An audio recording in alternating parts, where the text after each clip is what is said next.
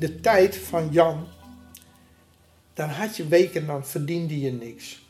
Maar samen zorgde je voor elkaar. Dus de een had wat soep extra en de ander had een voordeeltje daar en de ander had nog wat koffie en die had nog wat suiker. En je deelde dat met elkaar, want jij gaf het nu en twee maanden later dan kreeg je weer van iemand anders. Je luistert naar de podcast Jantje in Kwadraat. In deze podcast gaan Jacob Oeverbeek en ik, Bas Visser, op zoek naar de verhalen van Jan Visser van Urk en Jan Huiszoon uit Zeeland.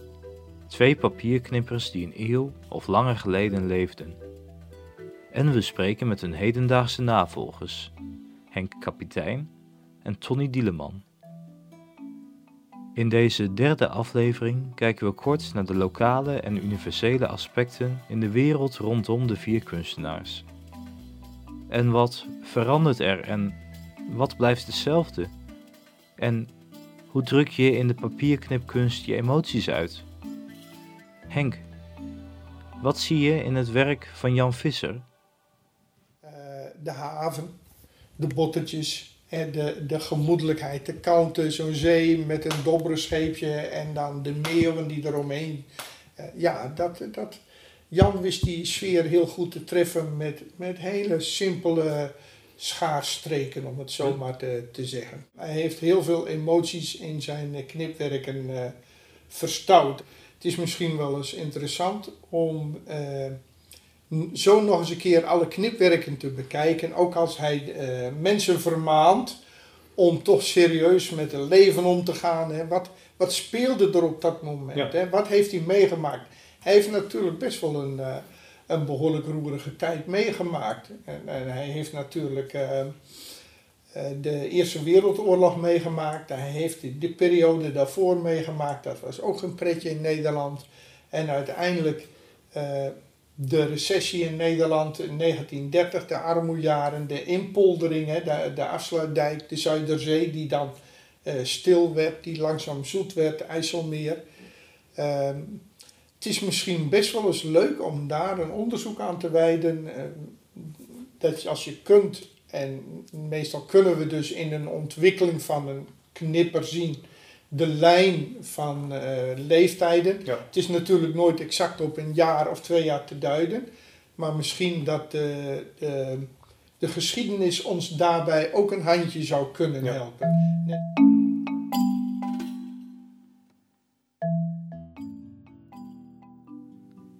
Van Urk gaan we naar Middelburg. In het Siels Museum staan we met Tony Dieleman stil bij de klededrachten.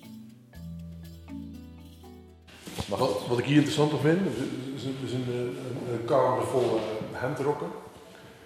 Uh, en, het is van wat tijd is zo. Is allemaal 1800, 1850. Uh, en er wordt gedaan over dialect of uh. Dat het iets is wat zo heel specifiek op één plek. Deze stoffen komen overal vandaan, weet je wel. Van over de wereld. Alles zit hier al in. Het is helemaal niet. en het is dan wel specifiek uh, walgus. Ja. Maar het is ook zo universeel als wat. Als je, het, als je zou zeggen dat er uit India komt, ja, zou je zou het volledig geloven, zou ik maar zeggen. En ook dat figuratieve komt ook overal ter wereld voor. En, en, uh, en die stoffen zijn internationaal. Klederdracht is nooit alleen maar lokaal. Het is altijd verbonden met een internationale markt en ook met een internationale mode-idee. Uh, ja. En kon het, zou, zou dat komen door de connecties die de mensen toen hadden, uh, handelsgebied? Of? Handel natuurlijk, ja. ja. ja. ja. ja en dan eigenlijk ook wel economie, uh, de handelsroutes. Ja, ja. Maar ook mode, ook hoe je je verhoudt tot, tot, tot, tot, zowel het dorp naast je, maar ook ten opzichte van de wereld of zo, weet je wat. Het is altijd een beetje, er zit altijd, het is altijd in contact met, ja, met heel de wereld. En dat vind ik altijd interessant, want gezien dat iets zo lokaal is. Er zijn hier nog uh, kleeddrachtdragers? Nee. nee. nee. Maar het is al. Het is al uh, ja, kleeddracht is een raar iets. Ik kijk er niet meer uit hoe het nou precies allemaal zit. Maar het is, het is, het is, het is zo bewaard, omdat het, op een gegeven moment is het dus gewoon folklore geworden. Ja. Dus, en er is, en, maar, maar dat is al vrij snel volgens mij. En dan is het natuurlijk helemaal statisch, van dit is het nu voor de rest van de, van de, van de, van de tijd. Eh, dat is een Dan kies je het laatste moment zeg maar in die traditie. Dus dan zet je stop en Ja. dan is het... En dan wordt dat, ja. Dat is de Ja. Ja, ja, ja. Terwijl het is nooit eh, een- eenduidig geweest, denk ik. eh.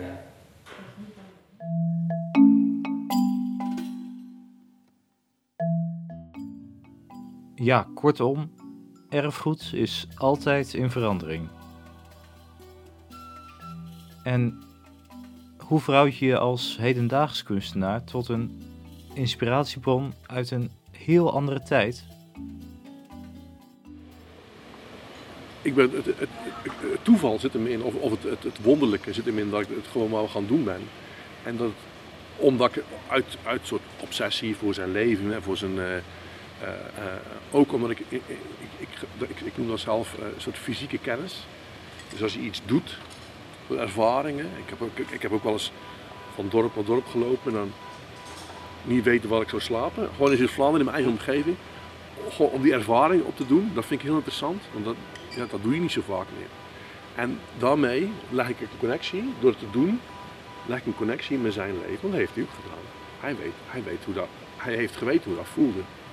En dan in die soort van, ik zie het als een soort van universele menselijke ervaring, die, die ik, als ik dat pad bewandel, ook vanzelf gebeurt. Maar wat er dan met me gaat gebeuren als ik dat ga doen, dat weet ik niet.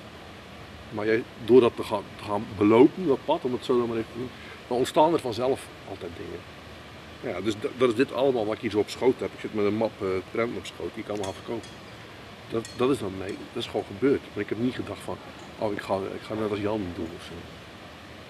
Ja. Het is ook religieus hè, het is een, het is een, uh, een, een levensfilosofie hè.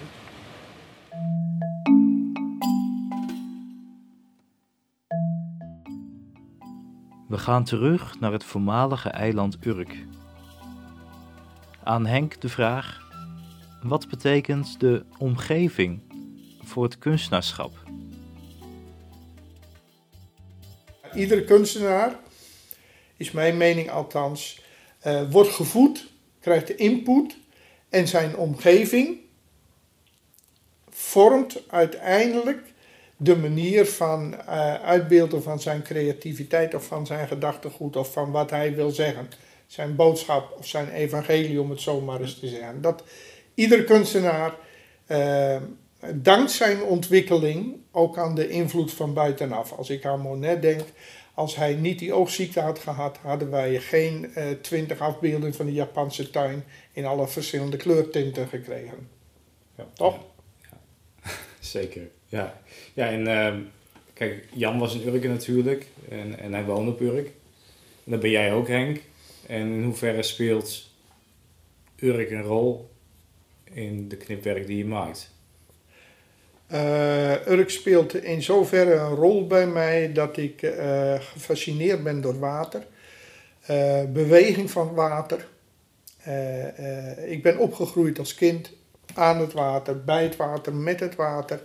En hoewel de visserman nou niet het beroep is wat ik direct zou kiezen, of tenminste volgens mij het laatste beroep, maar het water altijd veranderend, altijd, maar ook rustgevend, maar ook opzwepend, maar ook uh, als je, als je uh, een rondje over de dijk loopt en je bent onrustig, dan lijkt het wel of dat het water zorgt voor die langzame ritme en dat je hartslag dat overneemt en dat je op een gegeven moment weer in je cadans komt.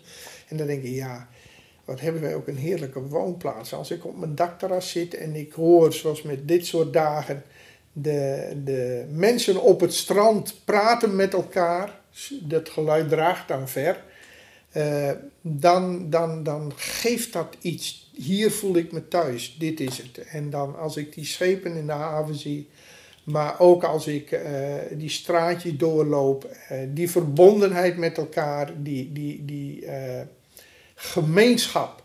Ik voel, dan, dan voel ik die gemeenschap weer. En dan denk ik, ja, dit is wat Urk is. Hm. Ondanks uh, alle uh, uitzaaiingen ter linker en ter rechterzijde waar ik me niet in kan vinden.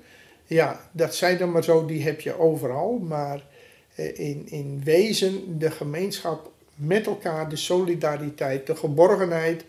niet de sociale controle. Die term gebruik ik nooit. Het is een sociaal vangnet wat we hier hebben. Een sociaal netwerk, sociaal vangnet. En ja, dat, dat, dat is voor mij Urk. En uh, als ik ook een knipwerk maak uh, van Urk of wat dan ook, dan probeer ik dat eigenlijk weer te geven. Zelfs een gewone waslijn. Uh, je hebt elkaar nodig. Die ene vrouw moet die waslijn hoog houden, half hoog met die, met die stok. En op een gegeven moment, eh, beide hebben de was erin hangen in één lijn. En dan gaat hij omhoog en eh, overspant de straat. En dan denk ik, ja, dat kan alleen op Urk. Want uh, in een ander dorp zal dat niet zo geaccepteerd worden.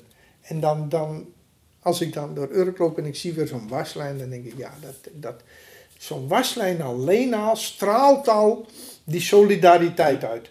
Tenminste, dat zie ik er dan in. Want dan denk ik, ja, op je eentje kun je die waslijn niet spannen. Want dan moet je hem te laag houden en dan raakt je kleding of je lakens toch rond. Je hebt altijd iemand nodig, samen. En, en dat is het op Urk ook. In de tijd van Jan, dan had je weken, verdiende je niks. Maar samen zorgde je voor elkaar. Dus de een had wat soep extra, en de ander had een voordeeltje daar, en de ander had nog wat koffie, en die had nog wat suiker. En je deelde dat met elkaar, want jij gaf het nu, en twee maanden later, dan kreeg je weer van iemand anders. En er werd niet bijgehouden wat je geleend had. Er kwam later niemand op terug van ja, je hebt toen nog een kopje suiker geleend. Nee, weet je, je loste met elkaar de crisis op.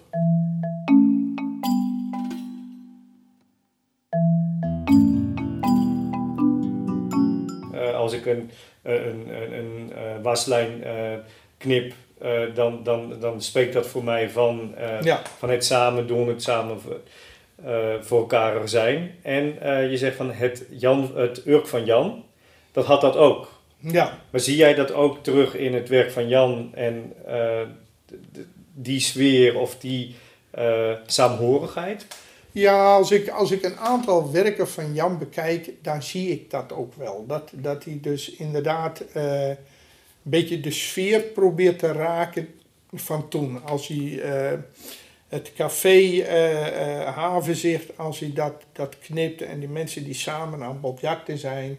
En dan bovenin daar de kinderen, waarbij dat ene kleintje zelfs in de wieg ligt, het gezin van weduwe Brouwer bovenin en dan beneden cafetaria. Maar de mensen accepteerden dat, dat er ook een kind een keer door het café heen liep of dat er, noem maar op. En ja, dan, ik zie in de knipwerken van Jan dat hij zegt van nou, kijk, dit is ook werk. Hè.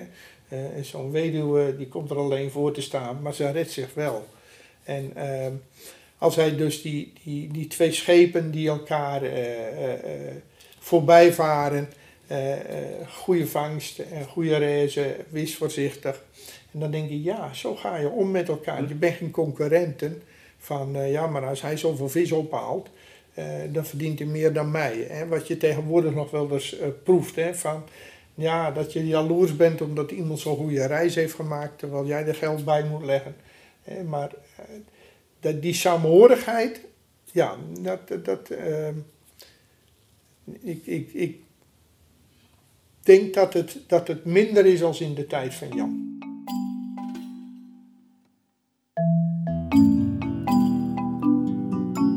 Daarmee komen we aan het eind van de derde aflevering. In de volgende aflevering onderzoeken we het kunstenaarschap van Jan Huiszoon en Jan Visser. Hoe werden ze bij leven gewaardeerd en hoe verhouden we ons nu tot dit culturele erfgoed? Bij deze podcast hoort een tentoonstelling waarin werk van de vier papierknipkunstenaars is te zien op drie locaties: Museum het Oude Raadhuis, het Urke Gemeentehuis en Galerie Plein 1890. Meer informatie vind je op de website van SCAP www.scapurk.nl slash Jantje in Kwadraat. Het project Jantje in Kwadraat is een initiatief van de Stichting Culturele Activiteiten Urk in samenwerking met Galerie Plein 1890 en Museum het Oude Raadhuis. Het project is mede mogelijk gemaakt door het Prins Bernhard Cultuurfonds en Stichting Zegen en Zorg. Vind je deze podcast leuk? Laat dan een recensie achter in je podcast-app. Zo bereiken we een zo groot mogelijk publiek.